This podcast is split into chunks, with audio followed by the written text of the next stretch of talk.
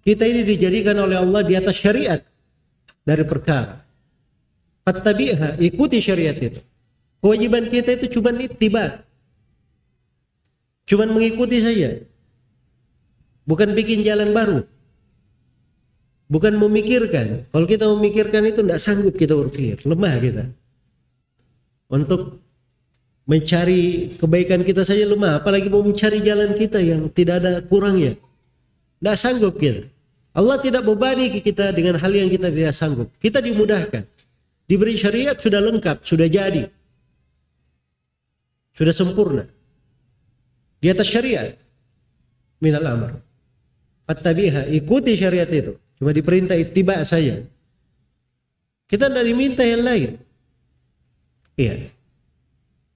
Makanya di penduduk neraka itu nasallallahu alaihi Ketika dia masuk ke dalam neraka. Iya. Masuk ke dalam neraka. Kemudian minta dari Allah Subhanahu wa taala pengampunan. Maka Allah berfirman kepada mereka kaum musyrikin ini sungguhnya ketika kalian di dunia aku meminta kepada kalian sesuatu yang lebih ringan daripada itu. Kalian tidak mau melakukannya. Hanya diminta tidak beribadah kecuali hanya kepada Allah Subhanahu wa taala sudah diberi tuntunan syariat, ikuti saja. Tuntunan dan syariat itu. Ini masalahnya ini orang yang sering bikin jalan-jalan baru, sering cari tikungan-tikungan ini, ini menjadi masalah di dalam kehidupan beragama. Ya, itu bukan rambu di dalam kehidupan. Habis kita umur kita melakukan hal-hal yang tidak jelas. Asal usulnya dari mana? Apalagi tidak ada tuntunannya. Iya. Kalau dia selamat tidak dapat dosa, itu sudah angka bagus sekali. Tapi mana yang selamat di situ? Melakukan hal yang tidak ada tuntunannya, hal yang melanggar syariat, itu tidak akan selamat. Sebab itu perkara besar di sisi Allah Subhanahu wa taala. Karena dianggap menyaingi syariat Allah Subhanahu wa taala. Karena itu para ulama rahimakumullah, mereka itu belajar dan mengajarkan ilmu dan mengamalkan ilmu itu pada batasan yang ada tuntunannya saya, ada syariatnya.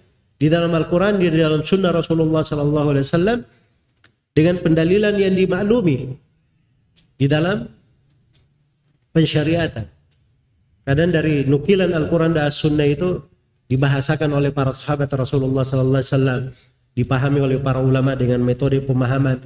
Itulah yang sampai ya di tengah umat Islam ini dalam komitmen berbagai cabang ilmu. Dan itu lengkap di tengah umat Islam. Karena itu tidak perlu bikin perkara baru. Iya, yang ada saja susah kita amalkan, belum tentu bisa kita kerjakan semuanya. Ini senang pula bikin perkara yang baru. Tidak ada asal usulnya. Iya, memberat, memberatkan diri. Karena itu diperintah, "Tsumma ja'alnaka 'ala syari'ati minal amri fattabi'ha." Ikuti syariat itu wala tattabi ahwa alladziina la dan jangan kalian mengikuti hawa nafsu orang-orang yang tidak mengetahui. Jangan mengikuti hawa nafsu orang-orang yang tidak mengetahui. Iya. Dikatakan oleh Ibnu Katsir rahimahullahu taala di sini ittabi ma uhiya ilaika min rabbika la ilaha illahu ikutilah apa yang diturunkan dari Rabbmu tidak ada ilah yang berhak diibadai kepada kecuali hanya kepada Allah. Wa a'rid anil musyrikin. Dan berpalinglah dari kaum musyrikin. Iya. Kemudian di ayat ini dikatakan wala tattabi ahwa alladziina la ya'lamun. Dan jangan ikuti hawa nafsu orang-orang yang tidak mengetahui. Innahum lam yughnu anka minallahi syai'an. Sungguhnya mereka ini tidak akan bisa melindungi engkau dari Allah sama sekali. Itu peringatan ya. Ya kalau berpaling darinya, ikuti hawa nafsu orang-orang yang tidak mengetahui. Ingat, siksaan Allah itu dahsyat. Besar. Mereka itu tidak akan sanggup melindungi kamu dari Allah. Iya. Maksudnya itu tidak akan lepas dari Allah Subhanahu wa taala. Karena itu Allah Subhanahu wa taala juga mengingatkan falyahdharil ladzina yukhalifuna an amri an tusibahum fitnah aw yusibahum adzabun alim hendaknya berhati-hati orang yang menyelisih perintah Nabi Shallallahu Alaihi Wasallam. Hati-hati, jangan sampai dia tertimpa fitnah. Fitnah itu bahasa di dalam Al-Quran digunakan di banyak tempat dengan beraneka ragam makna. Karena itu di dalam penafsiran fitnah di situ ada beberapa makna di tengah para ulama rahimahullahu taala. Iya, dia bisa bermakna siksaan, bisa bermakna cobaan, bisa bermakna pembunuhan, bisa bermakna apa namanya adab, iya. Berbagi makna pada fitnah itu. Hati-hati, akan tertimpa fitnah kamu. Atau tertimpa siksaan yang pedih. Adabun alim. Itu pilihan ya. Dua pilihan. Yang paling manisnya adalah pahit. Bagi orang yang mengisi sunnah Nabi Shallallahu Alaihi Wasallam. Iya. Karena itu kita ini diberi syariat. Itu rambu-rambu kehidupan kita. Berpegang dengannya itu adalah kenikmatan dalam hidup.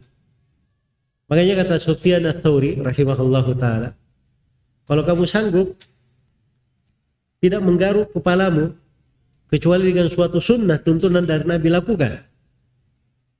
Maksudnya itu saking saking apa namanya? Saking beliau menekankan ya harus semuanya sesuai dengan sunnah, athar. Kalau ada tuntunan dari situ, dari Nabi tentang hal itu, lakukan. Ya, misalnya ada cara menggaru ya. Dan tentunya ya di dalam riwayat-riwayat di sunnah itu tidak ada cara menggaruk khusus ya untuk menggaruk rambut. Cuma itu dibahasakan oleh beliau kalau memang ada sunnah dalam hal itu kamu lakukan seperti itu.